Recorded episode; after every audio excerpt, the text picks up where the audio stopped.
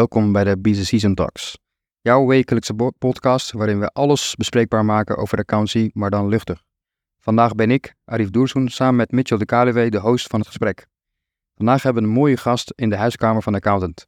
Partner bij KMG, bedient grote FS-klanten en is nu tekenend account van NN. We zijn nu op de hoofdkantoor van KPMG. Hoe bevalt het je, Mitchell? Ja, het bevalt heel goed. Eh, ik eh, kan me heel goed herinneren dat dit eh, mijn eerste kennismaking met accountancy, de open dag van KPMG. dus ik heb er wel goede herinneringen aan overgehouden. Mooi. Mooi, mooi. En heb je er ook zin in? Dit is onze eerste podcast samen. Ja, ja, echt gek dat in een anderhalf jaar tijd nog niet heeft plaatsgevonden. Maar ik heb er wel heel veel zin in. eh. Nou, in deze podcast worden ervaringen, tips en leuke verhalen gedeeld. We blikken terug en kijken vooruit met studenten, accountants, bestuurders, toezichthouders en iedereen met interesse. Eh, voordat we beginnen, druk gelijk even op abonneren of volgen, zodat je direct op de hoogte bent wanneer eh, we met een nieuwe aflevering online komen. Ja, dankjewel Arif. En eh, dan terug naar deze aflevering. Vandaag praten Arif ik met Dick Korf. Dick is partner bij KPMG en heeft meer dan 25 jaar ervaring. Maar ik hoor net al 37 jaar ervaring vandaag. Veel in de financial services hoek. Heeft grote klanten gecontroleerd. Eh, Dick is echt gepassioneerd over het vak. En als je in gesprek gaat met, eh, met Dick, dan merk je dat heel snel. Eh, we zijn heel benieuwd naar zijn reis in accountancy, zijn drijfveren, waarom hij accountancy zo gaaf vindt en wat hij eigenlijk had willen worden. Leuk dat je me te gast hebben. Welkom, Dick. Ja, dankjewel. Leuk dat jullie me hebben uitgenodigd. En ik hoop dat jouw intro geen clickbait wordt, dus ik zal mijn best doen. Heel goed, heel goed. Want om, om te beginnen, wie is Dick? Waar, waar kom je vandaan? Eh, Kan je iets vertellen over je achtergrond? ja, graag. Ik eh, ben geboren in eh, de hoofdstad van de Noordoostpolder, in Emmeloord. En daar ben ik opgegroeid als kind nummer vier van een gezin met vier kindertjes. En een onbezorgde jeugd gehad. De hoofdstad van de Noordoostpolder, ik noem het zo. Want de Noordoostpolder eh, was toen ik net geboren werd eh, nog in ontwikkeling. En eh, ja, wij vonden het toch ook wel heel cool dat het centrum van de Noordoostpolder, dat wij daar woonden. Dat was nieuw land wat in ontwikkeling was. En met een heel mooie, nou ja, missie ook. Om dat nieuwe land goed te ontwikkelen. Ja, en, en heb je dat ook heel erg zien veranderen dan? Want dat is echt ja, letterlijk nieuw land. Ja, zeker. Eh, het begon natuurlijk dat het kaal was en leeg. En eh, dat lijkt wel een bijbelverhaal, maar eh, zo begon het wel. Ja. En wat ik later geleerd heb is, het was eigenlijk best wel een, toen al een multiculturele samenleving. Want de Noordoostpolder was natuurlijk leeg en moest gevuld worden. De Rijksdienst die verantwoordelijk was voor het inrichten van de Noordoostpolder, die had de opdracht om boeren uit verschillende windstreken vanuit Nederland naar die polder te brengen en te lokken. Dus je had daar Zeeuwen, je had daar Friesen, je had daar Grunningers, Noord-Hollanders. En dat was een smeltkroes zeg maar, van culturen. Dat wij in die tijd zeg maar, toch wel als multicultureel ja, konden, konden aanmerken. Ja. Ja. Hoe heeft je dat gevormd, eh, Dick? Eh, ja, hoe heeft me dat gevormd? Ehm, doe maar gewoon. eh, nuchter. Ehm, dat zijn toch wel dingen die je, ik ook van huis uit heb meegekregen. Maak er wat van. Eh, pak je talenten op. En, en dat is het eigenlijk. eh, ja. Oké. En hoe is dat opvoeden in een eh, groot gezin? Ja, nou, ik, ik, heb, ik heb een prachtige opvoeding gehad. Ik was nummer vier. Ja. En dat levert natuurlijk wel eens wat strijd op. Want de jongste die, die heeft natuurlijk alle voordelen al die de voorgangers hebben gerealiseerd bij de ouders. Hè, met laat thuiskomen en wat is weer zijn. Maar nee, het was, het was, het was ja, een heel, heel warm gezin. Mijn vader die eh, was aan het werk. En mijn moeder was, eh, nadat ze gingen trouwen, eh, huisvrouw geworden. En ja, in die, je moet denken, dat is de wereld van begin jaren 60 tot begin jaren 70 dat ik daar ben opgegroeid. Is je vader, is die, is die ook accountant of iets, heeft hij iets financieels gedaan? Ehm, nou, hij heeft het praktijkdiploma boekhouder gehaald. Dat was toen een certificaat. Mijn vader was Indiëganger. Dus na de Tweede Wereldoorlog de, wat ze dan noemden de politionele acties, wat nu dus in, eh, ook heel erg het nieuws is. Over eh, hebben we daar wel of niet goed gehandeld. Maar goed, mijn vader was een van die jongelingen. eh, geboren op het eiland Urk. Mijn moeder ook, ook van Urk. En, maar goed, mijn vader moest dus naar Indië, kwam terug uit Indië. En vlak voor dat het, ik geloof 1949, ja, er was woningnood en er was niet veel werk. Dus hij is toen bij de Postcheck en Girodienst in Den Haag gaan werken. Dat is een rechtsvoorganger van de Postbank en van ING, by the way. En uh, toen vond hij accounting, denk ik, leuk. Ik heb nooit zo met hem kunnen bespreken, want hij is inmiddels al, uh, is het 16, 17 jaar overleden. Maar we hebben er wel veel over gehad. Uh, hij is toen het praktijkdiploma boekhouder gaan halen. En toen is hij naar Urk teruggegaan. Daar heeft hij op een accountantskantoor gewerkt, maar dat is dan boekhoudwerk. En snel naar de bankaire sector verhuisd. Misschien is dat ook wel voor mij een beetje leidend geweest. Hij is eerst procuratiehouder geworden bij een bank, de Nederlandse Kredietbank. En daarna werd hij uiteindelijk uh, kantoordirecteur van uh, de Nederlandse Kredietbank in, uh, in Emmeloord. Oké. Okay. Veel vissers, veel boeren en dergelijke als, als klant. Ja. ja. Nou, grappig eigenlijk, want we gaan zo meteen denk ik een, een sprong maken zeg maar, naar jouw carrière binnen KPMG. en dan vooral in de FS-hoek. Ik hoor nu dat je vader bij de voorganger van Postbank heeft, heeft gewerkt. Dus ja. voorganger van ING. Nou, als het goed is heb jij ook een, een aandeel gehad in de ING-audit. Ja. dus dat vind ik wel echt grappig. Wat heeft dat, heeft dat iets met je gedaan toen je... Nou, dat is puur toeval eigenlijk dat ik ook in de bankaire sector terecht ben gekomen. Ik, ik kwam hier de eerste dag, was ook op 1 september. En ehm, werd ik smiddags gelijk al naar een nieuwe klant gestuurd. Dat was dan de Postbank, die was net geprivatiseerd. Dus dat vertelde ik op enig moment ook aan mijn vader. Toen zei hij, ja, was dat bij Spanenplein in Den Haag? Ik zeg ja, nou daar was hij dus ook geweest. Het was puur toeval, dat had hij niet gestuurd, ik wel. En dan werd ik gelijk in de diepe gegooid. Uh, ja, um, dus Postbank werd NMB Postbank en ik vond die klant erg leuk. Uh, we hebben de hele leuke dingen gedaan die je tegenwoordig misschien anders zou doen. Maar ik vond wel ook, als je terugkijkt, daar toch echt uh, een goede job gedaan. ik kan er wel inhoudelijk even een toelichting op geven. Je moet je voorstellen, bij zo'n bank had je dan rekening uh, saldi aan de creditzijde van de balans staan. Nou, hoe controleer je die nou? Een steekproef. Dus wat deden we? We deden een statistische steekproef en stuurden saldo-bevestigingen uit naar klanten.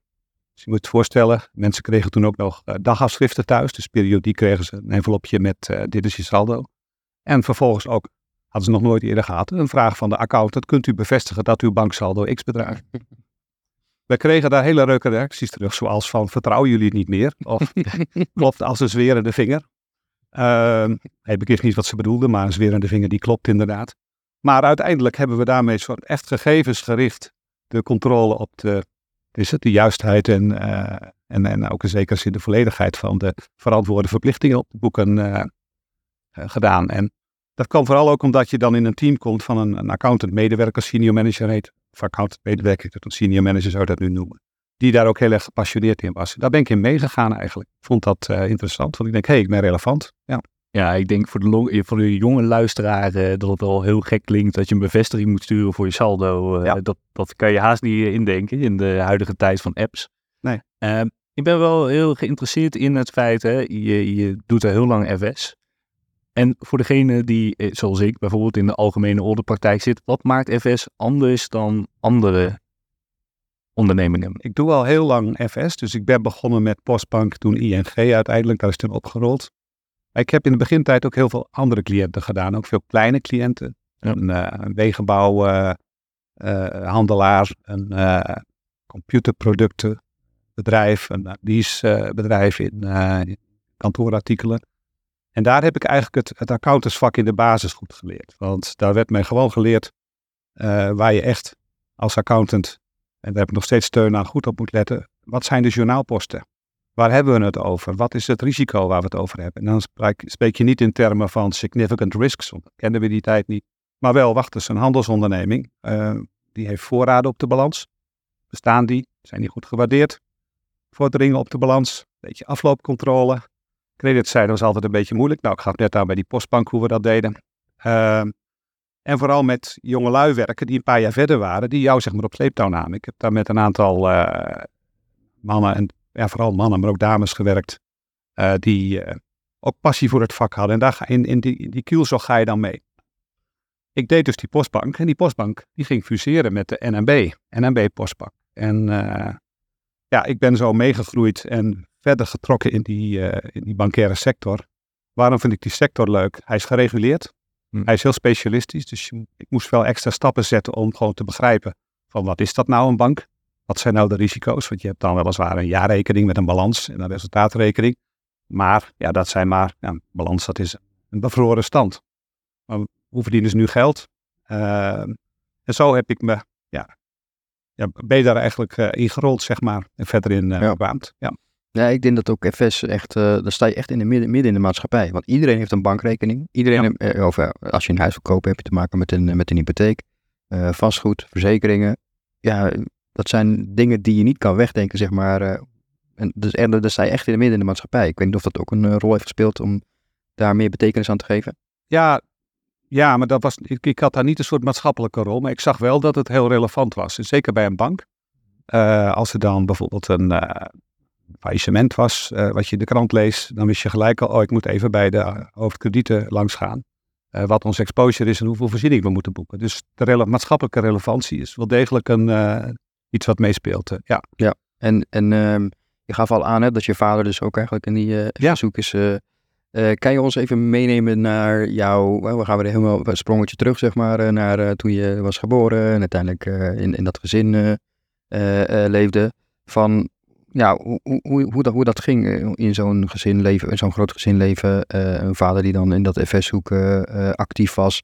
En wellicht dat bij jou dan ook die- de, ja, hoe zeg je dat, de voelsprieten zijn begonnen van, Ja, hey, ja. eh, ik ga wellicht ook die kant op, maar dat je dat daar nog niet heel bewust van was. Kun je misschien helemaal terug naar hoe, Ja, hoe dat ging? Ja, de, ja, je zit dan op de middelbare school. Dan zit je in 4, 5 VWO en dan ga je kijken wat wil je hierna doen. En eh, je had dan een, eh, een, een schooladviesdag. En daar werd ik eigenlijk attent gemaakt met een heel klein roze, nee, oranje boekje.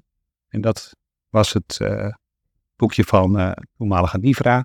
Waarin stond dat je toch eigenlijk maar één vak moest kiezen wat het beste vak was, het mooiste vak was. En dat is eh, het vak van accountant RA. Dus ik heb me daar toen wat in verdiept. En eh, mijn vriendje van toen ben ik later in, ben ik die kwijtgeraakt overigens. Niet in mijn hart, maar wel elkaar 35 jaar niet meer gezien, denk ik. Die wilde dat ook. Dus ja, de interesse. En toen heb ik daar met mijn ouders ook over gesproken. En mijn vader zei, nee, accountancy, dat lijkt me hartstikke goed. Maar dan zou ik wel gaan studeren. Eerst studeren en daarna zie je wel. Nou, eh, dus zo ben ik dat gaan doen. Alhoewel dat studeren, dat had bij mij nog een haakje. Want ik dacht van ja, ik wil liever niet te theoretisch. eh, laat mij maar praktisch. En wat wil nou? In Zwolle, dat ligt, ligt bij Emmeloord, daar eh, was een opleiding wat je nu het HBO zou noemen. Dat was de HAO-RA-variant. Regelmatig afwezig was ik ook in RA. Eh, en daar kon je dus in vier jaar tijd zeg maar, de vooropleiding van de NIVRA eh, doen. En eh, dat heb ik gedaan. En ja, dat heeft mij het passie voor het vak alleen maar doen, ja, doen intensiveren. Ik, ik, had daar docenten die heel bevlogen waren over het vakgebied wat me ook het meest na aan het hart lag. Dat is wat toen heette waarde en winst. Financiële verslaggeving zou je dat nu noemen, externe berichtgeving. Het interesseerde me wel, want eh, ja, dat niet elke waardeverandering winst is. En hoe kan dat dan? En dat je meerdere definities van winst hebt. Accounting concepts of profit. Ja, daar hadden we heel veel discussie over. Daar ben ik ook iemand tegen het lijf gelopen, wat nu ook een beste vriend is van me. En eh, samen zijn wij zo'n beetje die, eh, dat pad verder opgegaan. Uiteindelijk toch nog economie gaan studeren en in de accountancy begonnen. Ja. Ja, en er is best wel veel te doen over de accountantsduur, de opleiding, eh, Ja. hoe lang die duurt. Hoe lang duurt de opleiding? eh? Ik heb er eh, acht jaar over gedaan. Dat was toen ook nominaal, maar ja, maar merendeel van de mensen deed het in acht jaar dan wel langer. Ja. Wat er gebeurde eigenlijk niet. eh, ja. En dat heb je samen met Egbert gedaan. Egbert, Egbert Eestink, ja, die is, was, we waren toen, eh, ja, zeg maar bevriend geraakt op de HAO. Toen zijn we samen in Amsterdam nog even twee jaar economie gaan studeren. Eh, en eh, daarna de RA-opleiding. En Ik ben ik... assistent geweest op de VU in accounting.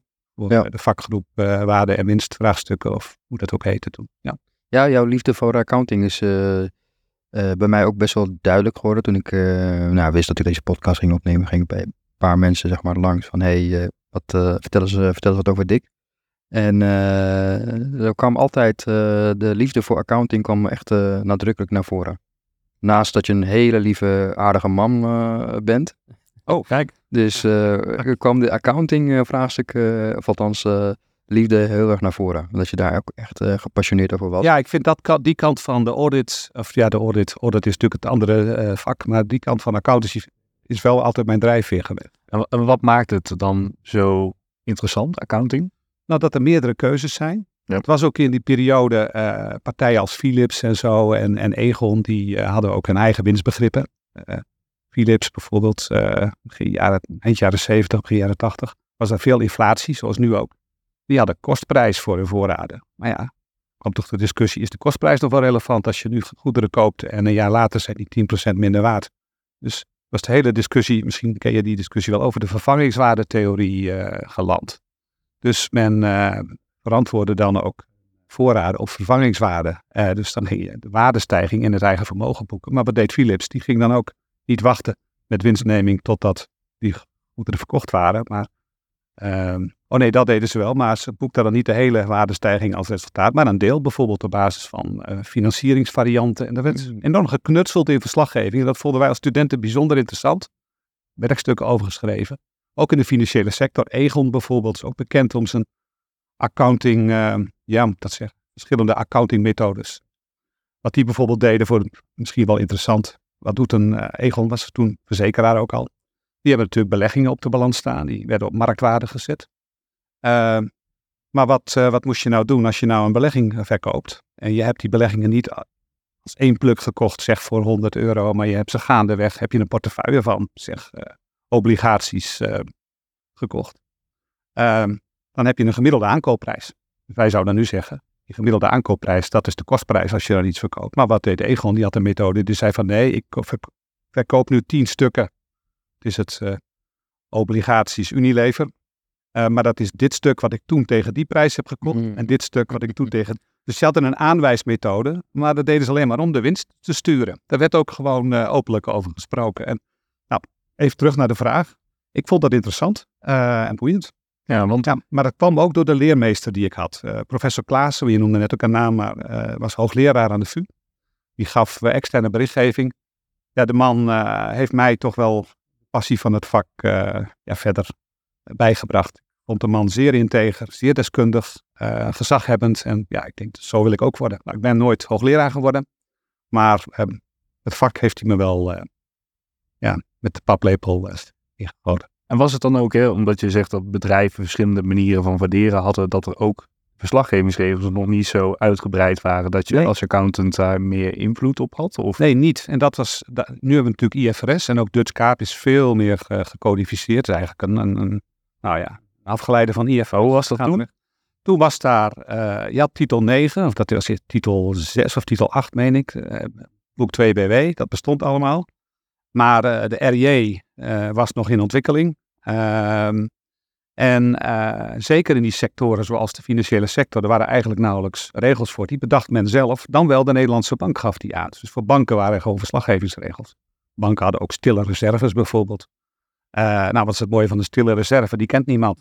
Nee, dus als, je, als, je, als je een groot verlies hebt en je kan het opvangen in je stille reserve, dan hoef je dat niet aan de buitenwereld te tonen. In die tijd was dus een hele andere, nou ja, dat, dat werd gaandeweg juist ook vanwege internationale invloeden werd dat, uh, ja, werd dat afgeschaft hier. Heb je, heb je daar een hele periode van verandering heb ik wel meegemaakt. Heb je daar een voorbeeld van? Zo'n stille reserve die toen bij zijn bank zat? Ja, dat is de voorziening voor algemene risico's. Die voorziening die hadden banken.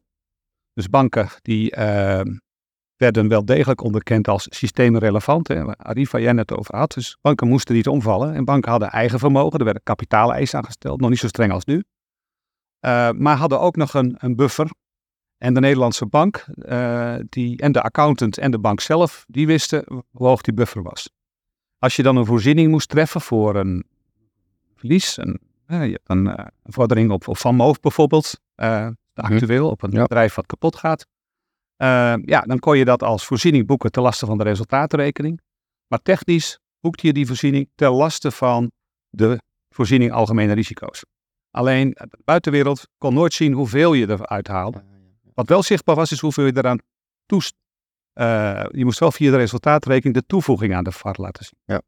Dus er werd altijd gespeculeerd hoe hoog is de VAR. Uh, dat gaf ook flexibiliteit, uh, dat banken naar elkaar keken. Van ja, hoe ziet de resultaatontwikkeling eruit? Dus hadden accountants best toch wel even een robotje te vechten af en toe. Van, hey, gebruik je die VAR wel op een eigenlijke manier? Is dat dan niet dan die periode eigenlijk, die discussies die je dan had, veel leuker dan wat je nu hebt, zeg maar? Want nu is het wat, Anders of wat strikter. Anders leuk, ja. Je moest wel meer op je quivive zijn en uh, ook duidelijk, uh, ja, ook zelf op zoek gaan binnen de sector, ook als accountants, van hey, wat is eigenlijk het normenstelsel? wat wij verdedigbaar vinden. Dat normenstelsel dat ligt nu gewoon vast in IFRS. Ja. ja. Maar meer ruimte voor professionele oordeelsvorming. Meer ruimte voor professionele oordeelsvorming. Bij opstellers, dus bij de financiële instelling, ook meer ruimte om, om resultaten te sturen. Ik noemde net die EGOL-methode. Het is maar net hoe je de kostprijs van iets wat je verkocht hebt bepaalt, wat dan de winst is. Ja. Maar dat werd openlijk ook beleden. Dus ja. Nou, dat die income smoothing, dat dat eruit is, vind ik heel goed. Uh, want ja, die functie van verslaggeving voor de kapitaalmarkt, hè, dat die verslaggeving duidelijk moet zijn, consistent moet zijn, is, is, is, is heel relevant. En uh, dus dat is denk ik wel een van de zegeningen van IFRS, waar er ook al heel veel kritiek is. Maar dat je ja. achter normen.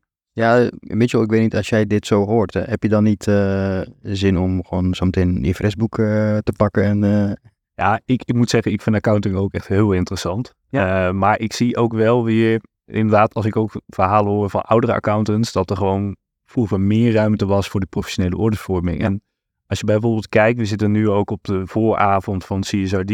Ook weer eigenlijk een hele nieuwe ja, set met standaarden die nog niet helemaal uitgewerkt zijn. Ik krijg een beetje het gevoel dat we weer op datzelfde moment komen. Op datzelfde punt dat het belangrijk is dat met name professionele oordeelvorming, je sectorkennis, ja. dat dat veel belangrijker wordt dan, ja, de, hè, dat belangrijker wordt in wat uiteindelijk een organisatie rapporteert of verantwoordt. Eens. Ja, zeker. En, en de, de CSRD is natuurlijk, we staan aan de vooravond van uh, de implementatie vanaf ja. 24. Dus er moet nog heel veel bedacht en ontwikkeld worden. En ga er maar vanuit dat we over vijf jaar gaan zeggen, ja, verdraaid. We waren daar toen misschien te makkelijk of te streng in. Dat, dat normenkader moet zich ook, ook wat ons betreft, van controleer je dat nou? Maar die parallel is wel te trekken met die periode ook. Ja, wat dat betreft wel. Ja. Maar in 2005 is IFRS uh, toen uh, geïmplementeerd, toch? Hoe, ja. was dat dan? Uh... Ja, dat was een hele operatie natuurlijk. want alle beursgenoteerde instellingen moesten over op IFRS. En ik weet nog heel goed, toen was ik accountant van ING en de leadpartner, die moest er net af vanwege Sarbanes-Oxley. Dus ik mocht dat jaar ook aftekenen, ING, ING Bank. Vond ik best wel spannend als jonkie. ja, belangrijk is, en dat is misschien ook een les voor de luisteraars, zorg dat je je goed verdiept in de materie. En spreek er veel over met collega's. Wij hadden discussiegroepjes over van uh, hoe gaat dit, hoe werkt dat, dus binnen de sector. Met IFRS 9 conversie ook gehad, met elkaar zaten van uh, hoe moet dit, hoe moet dat.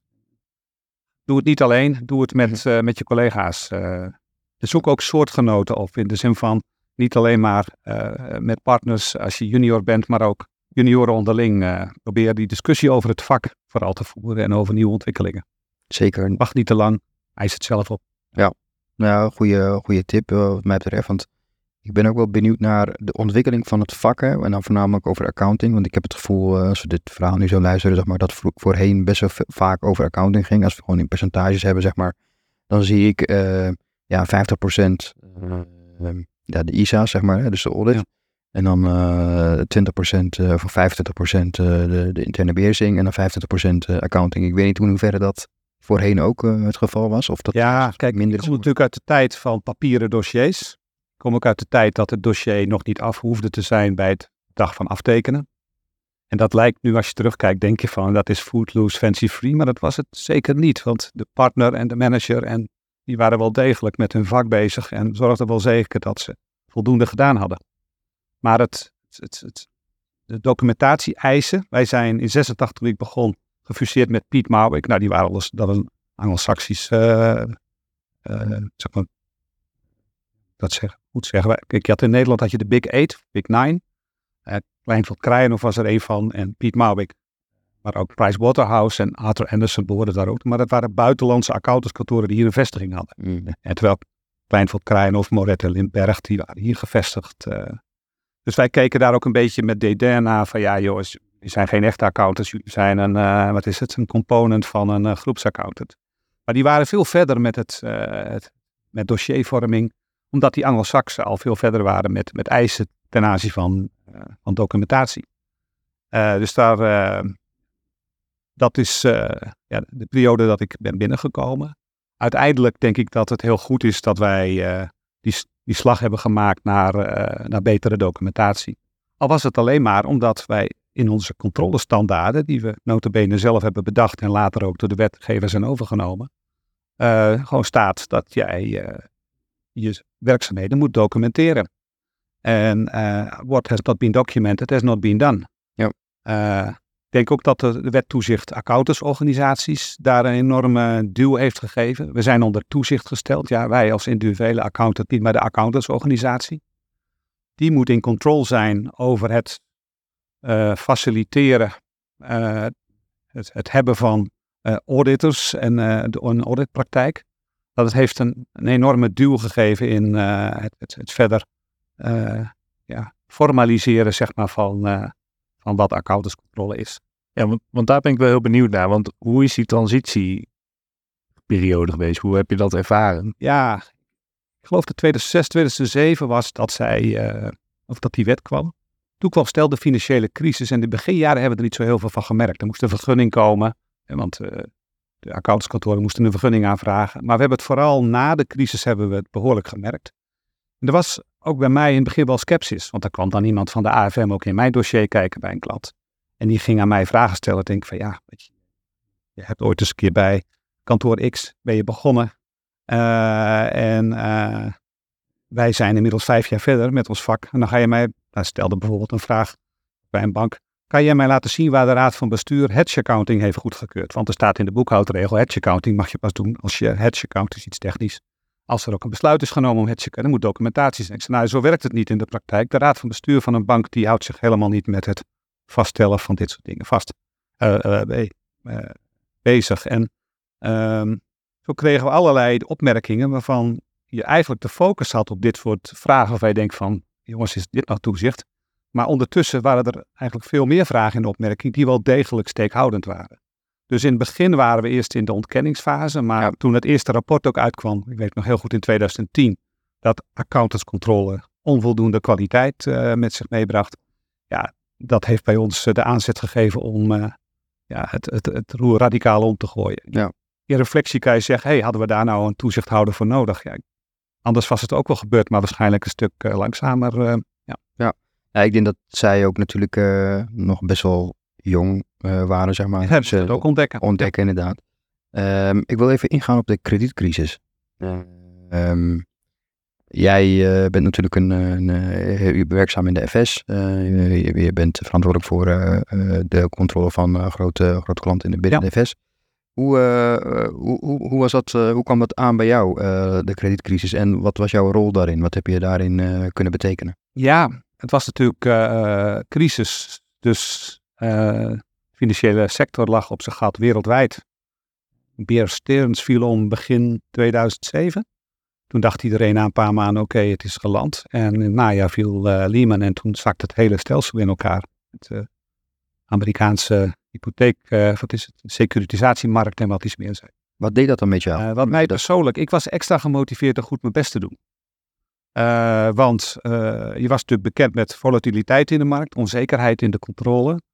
Ik was op dat moment uh, ook accountant natuurlijk. En uh, ja, dan um, moet je natuurlijk zorgen dat uh, de jaarrekening in ieder geval goed is. En de accountantscontrole. Dus ik denk dat we in die periode wel een stapje extra hebben gezet. Omdat waarderingsonzekerheden groter waren. verliezen groter waren. groot waren. En ja, dat was best een, een spannende tijd. continuïteit was een, een issue. Fortis viel om, ABN AMRO Fortis viel om. Ja, wat, wat was het gevoel in de boardrooms? Ja, urgentie, ja. ernst. Uh, overheden zijn ingestrepen, bij ING, om eens iets te noemen. Achteraf gezien door een boekhoudregel. Nog eens een keer had, er is ook wel veel over geschreven. Die hadden hypotheken gekocht, gesecuritiseerd hypotheken gekocht. En die moesten op marktwaarde gezet worden. Terwijl normaal als je hypotheken bij een bank op de balans hebt, staan die op kostprijs. Nou, met name dat marktwaardebegrip leidde ertoe dat er grote verliezen genomen moesten worden. Die je mogelijk niet, in, zeker niet in die maand had moeten boeken. Over accounting concepts of profit gesproken. Dus dat was spannend. Ja. ja. Was er uh, angst, zeg maar, dat het ook nou, kon Ik noemde Bear Stearns en toen keek iedereen om zich heen en toen was het oké, het is voorbij. Beetje, ik had dit voorjaar uh, een beetje een déjà vu met natuurlijk uh, opeens de liquiditeitscrisis, die ook weer weg hebte. Maar ja, uh, voor hetzelfde geld uh, gaan we herhaling krijgen. In de liquiditeitscrisis bedoel je wat in Amerika is? In de sector, ja, dan is dat Credit Suisse geholpen moest worden. Ja. Amerikaanse banken zijn in ieder geval ontvallen en wat iets meer zijn. En dat er weer aandacht is voor liquiditeit, voor continuïteit bij de bankaire sector. Nou is de situatie wel degelijk anders dan in die periode. Buffers zijn aangesterkt. -hmm. Maar er zijn nog steeds partijen, ook al gezaghebbende partijen, die vinden dat die buffers nog steeds veel hoger mogen en moeten. Ja. Maar wat deed dat met mij? Ja, zorg dat ik mijn vak goed uitoefen. Ik zat in die tijd ook in, uh, bij de MBA in de sectorcommissie banken. Daar was ik net voorzitter van geworden. Daar hadden we heel veel overleg met de Nederlandse bank. Ook over wat ze van ons verwachten. Uh, attentiepunten delen, kennis delen. En ja, ik vond dat, dat heel erg leuk, achteraf gezien. En hoe waren die gesprekken? Um, ja, nou kijk, wat, daarvoor hadden we ook overleg met de Nederlandse bank. Dat heet dan tripartite overleg. Dat was een beetje formeel en het was, kwam eigenlijk niks uit. Wat is zo'n uh, tripartite overleg voor de luisteraars? ja, dat is uh, partij, uh, drie partijen overleg. Dat is overleg tussen de externe accountant, de instelling die onder toezicht staat en de toezichthouder, de Nederlandse bank. Met z'n drieën ga je om de tafel zitten één keer per jaar. Heel spannend. Ik meen vooral voor DNB heel spannend, want die waren maar heel spaarzaam met het delen van informatie. Daar heb ik ze later ook nog eens een keer publiekelijk op uitgedaagd. Uh, kan ik zo nog wel wat, over vertellen. Maar in die periode wisten we elkaar wel te vinden. Natuurlijk ieder wel in zijn eigen rol. En het was ook niet zo dat we dagelijks bij elkaar op schoot zaten. Maar we hadden meer contact met de Nederlandse bank dan, eh, dan normaal, laat ik het zo dan maar zeggen. Ja. Ja. En dat was uh, ja, spannend, leerzaam uh, en bijzonder. Heel veel onzekerheid. Ja. En de, en, en de commissie waren die gesprekken iets informeler dan, uh, dan de, de drie partijen? Uh, de commissie bij het? Ja. ja, want dat was een commissie van uh, accountants, interne en externe accountants. Dus van de, de Big Four, Big Five, Six misschien ook nog wel. en IAD, zowel IAD'ers als externe accountant. en daar waren we natuurlijk ook actief bezig met kennis delen. En ook die commissie had veel meer overleg in die periode met de Nederlandse bank over nieuwe regelgeving, over maatregelen allerlei vraagstukken die opkwamen. Er kwam staatssteun. Hoe moet die staatssteun in de boeken bijvoorbeeld? Ja. Uh, is dat nou eigen vermogen, vreemd vermogen? Nou, dat we vrij snel uit, want het was beoogd als eigen vermogen, dus het moest als eigen vermogen. Allemaal nieuwe dingen. Mm -hmm. continuïteitsvraagstukken, dat soort zaken. En, en uh, um, hoe was dat dan uh, de politieke dynamiek? Ik dat je ook wel op het, bij, de, bij de politiek Den Haag dan even langs moest. Ja, nou, er werd door het parlement een onderzoek ingesteld, het parlementair onderzoek naar het financieel stelsel. Het was geen parlementaire enquête, parlementair onderzoek. De commissie De Wit. En op een gegeven moment kreeg ik een brief, ik mocht ook komen. Er werden twee accountants uitgenodigd. Uh, Jules Muis, dat was uh, voormalig voorzitter van de NBA. Ja. Ook een markant figuur die ook wel een mening had over zaken. En, en ik dan. Ik zei de gek, als baas van het bankenoverleg. dus uh, ik heb van huis uit ook meegekregen de bescheidenheid uh, doe maar gewoon. Maar goed, ik zat daar en ik werd daar uh, toch wel uh, stevig ondervraagd. Ik had toen ook al Twitter. dus als je Twitter nog nakijkt, dan heb ik twee groepen. De een vond dat ik erg verdedigend was en dus gaan uitleggen wat een accountant allemaal wel niet deed. Ehm, maar ook wat een accountant wel deed. Um, wat doet dat met jou eigenlijk? Hè? Zo een, ik vond het achteraf heel eervol. En op dat moment ook. Ik was ook extra gemotiveerd om daar iets, iets te vertellen. En ik heb daar denk ik ook wel een aantal statements gemaakt. Onder andere het statement dat wij vooral ons best hebben gedaan, dat dat onze functie was in die crisis, om een solide accountantswoordeel af te geven, om een jaarrekeningcontrole te doen die staat en dat onze opinie goed moet zijn. Maar toen kwam de vraag, ja maar die banken zijn daarna omgevallen, had u niet moeten waarschuwen? Nou, dat is een interessante discussie en daar ben ik later ook nog wel op verder gegaan, want de politiek was verontwaardigd, want er ligt een goedkeurende controleverklaring bij, nou ik noem eens, ABN AMRO is omgevallen uh, moest staatssteun hebben. Hoe kan dat dan? Nou, dat is een, wat ik daar moeilijk vond is, ik zit daar als accountant, ik heb te maken met geheimhouding. En ik, heb eerst eens uitgelegd dat de rol die wij vervullen een hele belangrijke is, namelijk dat certificaat van getrouwheid afgeven. Maar wij doen geen integrale controle. Accountantscontrole betekent ook niet dat het bedrijf op orde is. Ik heb zelfs voorbeelden gebruikt als je kan een hele goede accountantscontrole hebben gedaan bij een bedrijf dat niet op orde is. Maar waar je toch met een jaarrekening komt die uh, een vertrouwd beeld geeft. Um, maar dat is natuurlijk een enge uitleg. Je hebt een rijkere invulling. Uh, maar wat doe je dan met de bevindingen ten aanzien van AOIC, risicomanagement? Die deel je met het management. die deel je met commissarissen. En soms maak je daar ook echt een statement. Zeg dit is niet goed, moet je verbeteren. Uh, en dan kan je een reactie van een klant hebben die daar eigenlijk nou, nauwelijks op acteert, tot en met stevige reactie. Maar jij moet je daar manifesteren. Maar ik heb ook gezegd, wij hebben geen publieke klikfunctie. Uh, ik kan dat niet de buitenwereld delen, omdat dat vertrouwelijke informatie is. Nou, toen is daarna die hele discussie gekomen over de accountantsverklaring, die dan ook toelichtende paragrafen moest uh, krijgen, later key audit matters. Maar ik kreeg toch ook wel over me heen van ja, maar meneer Korf, u wist zoveel. Waarom heeft u dat niet verteld? Nou, toen heb ik gezegd, stel nou, en dat is mooi het voorbeeld van dit voorjaar, net noemde, stel nou dat ik na Bear Stearns in het publiek had gezegd, uh, pas op uh, banken, want uh, het kan best wel eens misgaan. Wat, betekent, wat is het gezag van zo'n statement? Uh, dat weten ze zelf ook wel. Of niet?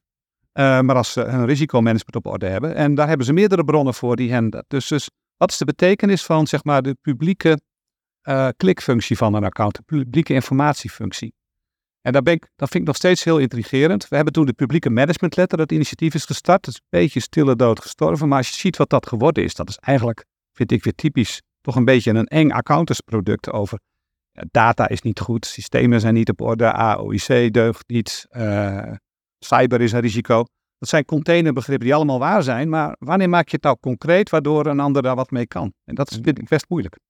Ja. Buiten wordt dat dan, hè? Ja, ja, precies. En ik, ik hoor je ook zeggen, hè, een stukje verwachtings... De verwachtingskloof. Ja, de verwachtingskloof. Die is er nog steeds. Ja, ja, ja. En, en dit is denk ik ruim uh, tien jaar geleden. Uh, en nu uh, meer recentelijk is ook natuurlijk hè, de optreden van de accountant in de, ja, in de AVA. Ja. dus het is nog steeds actueel. Ja. Hoe, hoe hoe zie je dat? Dat heeft in het begin een enorme boost gehad. De, de oproep in het eindrapport van, uh, meen ik, staat ook uh, van nou, uh, oproep aan accountants om ook samen met DNB eens te praten hoe er meer kennis gedeeld kan worden. Dus wij hebben ook DNB uitge uitgedaagd om nog even daarop te komen. Op een gegeven moment bij een DNB-seminar heb ik een metafoor, heet dat geloof ik, ja, gebruikt. honden ruilen geen botten. iedereen keek, wat is dat nou? nou? Ik weet niet of je zelf een hond hebt, maar als je een hond een bot geeft, dan gaat hij die niet aan een ander geven. Terwijl het bot wel heel lekker kan zijn. Uh, maar dat is niet des honds. Dus ik heb die metafoor gebruikt. DNB, jullie zitten op een enorme kennis. Deel meer met ons alsjeblieft. Ga wat meer botten ruilen.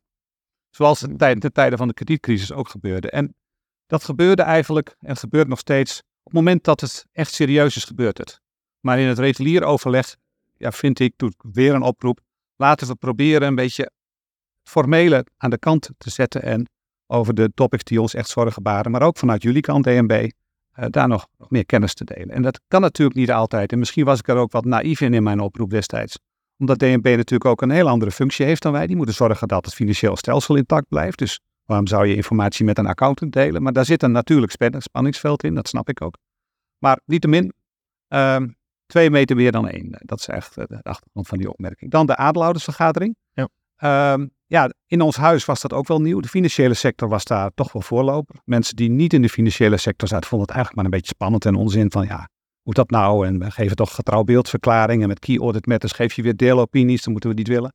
Maar we doen het nu sectorbreed. Ik denk ook wel dat we daar nog eens naar moeten kijken of dat nog, nog makkelijker, en, uh, nee niet makkelijker, of dat nog, nog beter kan. Wat zou maar, beter kunnen? Dan? Nou, ik worstel daar zelf ook mee. Ik ben zelf bevraagd door, uh, door, door uh, soms ook door, door aandeelhouders die misschien niet helemaal het goede met je voor hebben. Of iets van je willen horen wat, waarvan je van voorhand al weet. Dat die persoon ook al weet dat je ehm, de zaken wordt het toch niet gaat vertellen die deze persoon specifiek wil horen. Maar in zijn algemeenheid. Ehm, je krijgt bijvoorbeeld een vraag over voorzieningen. Meneer Korf, vindt u dat de voorzieningen toereikend zijn?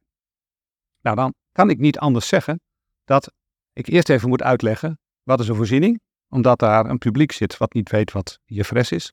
Wanneer tref je een voorziening? Is het een afwaardering van een actief post of is het een voorziening aan de creditzijde van de balans? IAS 37 om in jargon te praten. Daar zijn regels voor. Dan moet je eerst recognition criteria moet je bekijken. Dan moet je volgens is het een measurement. Dus op een antwoord te geven op de vraag: vind je dat de voorzieningen uh, genoeg zijn? Dan kan je soms uh, niet anders zeggen dan dat we in ieder geval genoeg zijn binnen de context van de boekhoudregels. En dat Maar dat vindt men niet leuk om Nee. te horen. Nee, neem eens geen genoeg mee. Neem eens geen genoegen mee. Maar moet die niet veel hoger zijn? Of had je hier geen voorziening voor moeten treffen? Ehm, en dus, dus waar het, en, en dat is eigenlijk waar we nog eens goed over na moeten denken. IFRS is sterk gecodificeerd. Onze audit is sterk gecodificeerd. Dus die communicatie met aandeelhouders, wat eigenlijk met het publiek is. Hoe kom je nou tot een hoger kwaliteitsniveau waarbij je ehm, ja, als accountant zeg maar ja, toch, toch wat meer informatie kan geven dan, dan vanwege de eh, wat is het, de, de geheimhoudingsplicht, zeg maar, eh, kan. Respectievelijk, ehm, ja, de, ook, ook, ook vanuit een, zeg maar de accounting dilemma's op een wat meer Jip en Janneke, nou laat ik zeggen, meer streetwise kan toelichten. Dat is eigenlijk mijn, eh, mijn oproep. En ik maak me daar zelf, ben daar zelf, ja, schuldig aan is niet het goede woord misschien, maar ik merk zelf ook dat, dat ik vind eigenlijk dat we naar 2.0 moeten.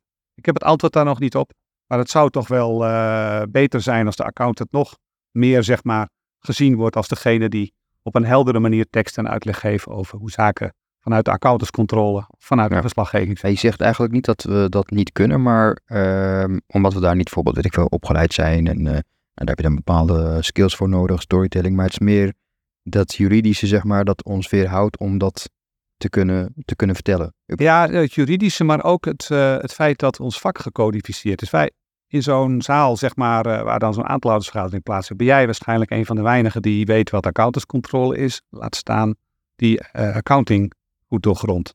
Ja. En eh, dan is de kunst om in gewone mensentaal zo'n vraag te adresseren. Alleen die gewone mensentaal doen niet recht aan het topic. Vaak. Hè, dus eh, omdat je, ja, Is dat, is dat ook het rem- de remedie voor de verwachtingskloof? Kunnen we daarmee ook ja. Uh, En daar heeft de beroepsorganisatie al heel veel aan gedaan, hè, om nog eens uit te leggen wat we allemaal doen. Maar dan is het toch een, een, een opsomming van hoe beperkt eigenlijk ook accountantscontrole is. Wij eh, definiëren significant risks, we hanteren een materialiteit en dan maken we hele grote afslagen, want we kijken vooral naar de significante risico's. We kijken heel veel niet, we doen steekproeven. Uh, en opeens is alles goed. Daar zit heel veel tussen. Dat begrijpen wij, omdat we daarvoor gestudeerd hebben. Het is ons vak. Uh, het moet een volkomen audit zijn. Dus de belangrijkste risico's moeten geadresseerd zijn. Maar dan zul je net zien dat er iets verkeerd zit in wat niet als een significant risk is aangemerkt. Ja. Ja. Dan kijken we eigenlijk al naar de toekomst toe. En we komen een beetje aan het einde van, uh, van onze podcast. Ja. Uh, hoe, zie je, hoe, hoe zie je het accountsberoep in de toekomst? Als zeer relevant. Ja. Uh, enerzijds zeer relevant. Wat ik jammer vind, de samenleving zit heel erg op. Uh, alles moet extra gecheckt worden. Vertrouwen is weg in de samenleving. Dat ook wel eens hier uh, publiekelijk wel eens genoemd. De NOW-regeling is een mooi voorbeeld. Dat was die steun die aan bedrijven werd gegeven die in de problemen kwamen omdat ze salarissen moesten doorbetalen terwijl de omzet wegviel. Ja. Nou, wat zegt de Tweede Kamer? Daar moet accountantscontrole op komen. Ja, de vraag is, is dat nou echt nodig? Zeg ik dan even als, als mens, als burger. Dus wij doen daar accountantscontrole en ja, dat kost ook allemaal weer geld. Dus de vraag is of overal relevant uh, moeten zijn. Hè? Want ik zou het goed vinden, maar dat is meer een algemeen maatschappelijke oproep. Van jongens, probeer wat meer uh, vertrouwen te hebben, ook als politiek in zaken. Niet alles hoeft dicht geregeld te worden. Maar daar waar het onafhankelijk oordeel van een, van een vakman nodig is, een vakmens, dan, dan is die accountant heel relevant. Daarbij wil ik toch benadrukken, dan gaat het dus om dat je je vak goed uitoefent, stinkend je best doet en dat moet toch komen van passie, niet omdat het, dat je achter een scherm zit en denkt van ik moet dingen aanwijzen, maar zorg, begin weer over, zorg dat je de accounting begrijpt, zorg je dat je het businessmodel begrijpt. Ga in gesprek met je collega's als je het niet snapt. Ik vraag ook vaak aan, uh, ook aan junioren, vind je het leuk? Uh, want wat je leuk vindt, ben je vaak ook goed in. Weet je waar je mee bezig bent? En laatst ook weer zegt hij, nou ik begrijp eigenlijk niet goed wat ik kan doen, maar ik zal dan zo even zitten dan. Dus speak up, dat is belangrijk, want die accountantscontrole gaat uit, blijft uiteindelijk mensenwerk. Zorg daar moeten wij relevant blijven door een hoge kwaliteit te leveren. Ja, ja we, uh, inderdaad wat Mitchell zei, we naderen richting het einde. Dus wil ik wel een paar van die persoonlijke inzichten nog uh, bespreken, uh, ja. Dick. Um, ik ben benieuwd naar ja, wat jij, het, ja, als je kijkt terug naar je carrière, afgelopen 37 jaar, wat je e-, enorm lastig vond en hoe je daarmee bent omgegaan. Enorm lastig, vakmatig bedoel je? Vakmatig, maar persoonlijk, althans in je carrière. Ehm, wat ik eh, soms lastig vind is ehm, om, ehm, dan ga ik te eu, hè, omdat ik echt even op moet nadenken. Ehm, Wat is, wat is een dilemma die je tegengekomen bent in die 37 jaar, wat je nog bijstaat? Een, een moeilijke situatie.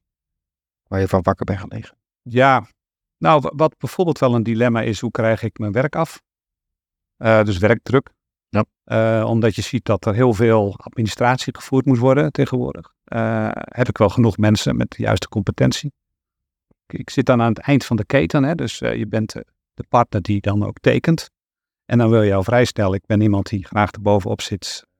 Nou, niet bovenop zit, maar z- zijn betrokkenheid wil tonen. En eh, soms zeggen mensen wel eens, dik, je gaat snel. Graag snel. Ehm, en eh, aan het eind van die keten, eh, dan zie je dat, oké, we moeten volgende week aftekenen en er moeten nog zoveel zaken gedaan worden. Of ik daar wakker van ligt, nee, maar dat is voor mij wel een hele nieuwe omgeving, omdat je als partner dan moet, toch moet faciliteren en moet zorgen dat het allemaal goed. Ja, ik ben daar wel benieuwd naar, eh, Dick. Want eh, soms ga je te snel, zeg je. Want ik merk dat ook af en toe. Dat je bijvoorbeeld met 180 gaat. En dan eh, zie je dat je team eh, misschien eh, Ja. eh, eh, ja, wat eh, minder vaart eh, maakt, zeg maar. Met 120 gaat. Hoe, hoe ga je, hoe ga je daarmee om? Want op een gegeven moment kun je daar ergeren, denk ik. Maar hoe ga je daarmee Nee, om als me- mensen meenemen en, en het goede voorbeeld geven. Dus Mensen meenemen op jouw snelheid? Ja, of ju- mensen- juist jij jezelf afremmen? op- allebei, ook temporiseren, maar ook dingen doen. eh, bijvoorbeeld met name de inhoudelijke zaken niet bij een ander neerleggen als je weet dat hij het al druk heeft, maar dan maar zelf oppakken. Eh, dus niet een houding hebben van, eh, jongens, eh, kom op, kom op, kom op. Maar als je ziet dat het druk is, het blijft toch een teamsport. Dat is ook een van de dingen die ik het leukst vind van dit vak.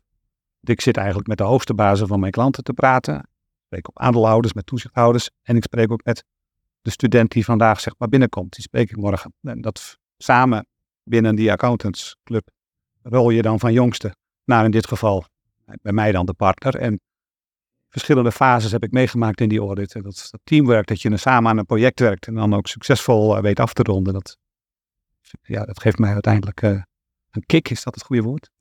Nee, wat zijn je toekomstplannen, eh, Dick? Nou ja, ik ga niet zo lang meer mee natuurlijk. Eh, nou, dat weten we niet. hè. deze firma.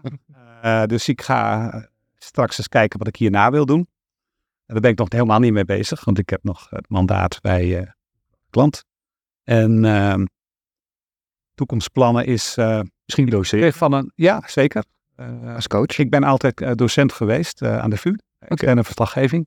Ja. Postdoctoraal ook. Ehm, ik kreeg van een commissaris van, eh, van een klant eh, een advies mee. Is eh, gestopt en toen zei hij, ik heb mijn leven in drieën ingericht. Een, drie, een derde familie en ik. Eh, een derde samenleving, teruggeven aan de samenleving. En een derde, omdat het klokje toch nog zo tikt. en Je toch nog ook eh, met je vak bezig wil zijn. Op een andere manier. Een derde is ook iets van commissaris of, of anderszins. eh, ja, ik wil dus zeker eh, m- nog veel meer starten op eh, vrijwilligerswerk. Dat lijkt me hartstikke leuk. Misschien wel lesgeven of zo. Maar Dickie gaat met pensioen. Ja, dan ga ik dus een derde, een derde, een derde. Ga ik zeg maar. eh, Maar het wordt dus niet vanuit huis gezegd van... Nee, Dick, eh, leuk geweest. 37 jaar lang eh, bij KMG. Nu is even tijd voor ons. eh, Ja. zeker. Hè? Is dat... eh nu zeg je, ik wil als je commissaris bent... Ik ga er even vanuit dat je niet commissaris wordt van een cultuurinstelling of iets dergelijks. Waarschijnlijk nog Nou, een bank of... wel. Ja, ook. Maar in, in ieder geval, als je bij een bank of bij een, bij een verzekeraar... eh, bijvoorbeeld bij eh, NN eh, commissaris wordt... Ja, dan ben je nog steeds fulltime bezig. Ja, maar ik ben nu 24-7 bezig, zeg maar, als het moet. Hè. Gelukkig niet 24-7 altijd, maar je moet wel 24-7 beschikbaar zijn.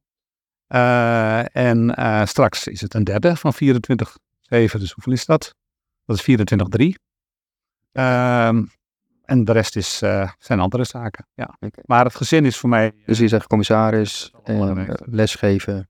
Ja. En we hebben nog eens coaching van jonge mensen. Hoe- Ja, lijkt me ook heel erg leuk. Eh, dus ik sta open voor heel veel suggesties en ideeën. Dus het is toch ook nog niet eh, beklonken, maar ik ben me aan het oriënteren. Oké. En als we toch, eh, we, willen, we willen afsluiten met een, eh, met een eh, boek of een eh, liedje of een, een, een band eh, die, waar je naar geluid luistert. eh, wat Ja, er zijn een aantal bands. Vroeger luisterde ik veel naar Sweet the Buster. Die niet. Nee. Een Nederlandse rockband. Het nummer Still Believe, moet je maar eens luisteren. Herman Brood heeft hem ook gezongen. Eh, ik eh, ben gek van The Doors. En ook het verhaal van eh, Jim Morrison. De man, een van de club van 27. Op zijn 27ste is hij helaas overleden, maar die heeft fantastische muziek gemaakt. Maar ja, de best ever band is de Rolling Stones voor mij. Laatst vorig jaar nog heb ik het concert gemist, want op de dag dat ik kon, had ik kaartjes ook. Twee uur voordat ze zouden optreden, meldt Mick Jagger dat hij ziek is. eh, corona, kan je misschien nog herinneren. Ja, Eh, en welk lied? Nou, eigenlijk alles wat zij aanraken. Maar eh, Sympathy for the Devil. En dan, die zijn heel veel versies, maar dan van het album Get Your Yaya's Out. Ga die maar eens opzoeken. Ik ken al die namen niet die je net, net hebt genoemd, maar Sympathy ik, for the Devil. Sympathy for the Devil. Ik ga die even... Out. Dat nummer is iets heel goed nummer. negen minuten en iets van zes minuten alleen maar gitaar. En heb je een favoriete boek of een film eh, die je kan aanraden nog? Eh, ik ben niet zo'n boekenlezer, wel op vakantie. IFRS Ehm, natuurlijk. Ja, dat is waar. Ehm, dus ik heb niet echt, ja. eh en Vliegeraar van Galet Husseini heb ik twee keer gelezen, omdat ik dat een mooi boek vond. Omdat in dat boek ook een soort herhaling plaatsvindt van heel mooi boek. heel mooi boek. Ook, ook het verhaal, zeg maar, van eh, nou, rijk en arm. Past ook wel een beetje bij hoe ik op ben, gevoed, ben opgevoed. Van doe goed voor een, wees goed voor een ander. eh, en eh, probeer iets te betekenen voor een ander. Ik vond dat een heel mooi boek. Maar ik ben niet een. dus ik ga meer lezen ook straks. Ik, vind- ik lees wel heel graag de krant. Vele kranten. Mooi. Sluit ook mooi aan bij het, het vrijwilligerswerk eh, wat, je, wat je eventueel wil gaan doen. Dus eh, Ik, ik ben een tijdje penningmeester geweest bij een blindeninstituut. Dat was heel erg leuk. Dat soort zaken vind ik ook eh, belangrijk om als je iets kan betekenen. Ja, mooi. Nou, Mitchell, ik vond het echt een eh, super tof gesprek. Ik heb Ja? gewoon, eh, eh, hoe zeg je dat, geïnspireerd geraakt door om echt eh de IFRS-boek weer eh, even te, te, te open te slaan. Ja, ik vind het ook echt heel mooi om, eh, om iemand met zoveel ervaring die vertelt over zijn vak, maar ook gewoon de ontwikkeling die het accountsberoep gemaakt heeft over al die tijd en hoe dat met de banken en de kredietcrisis.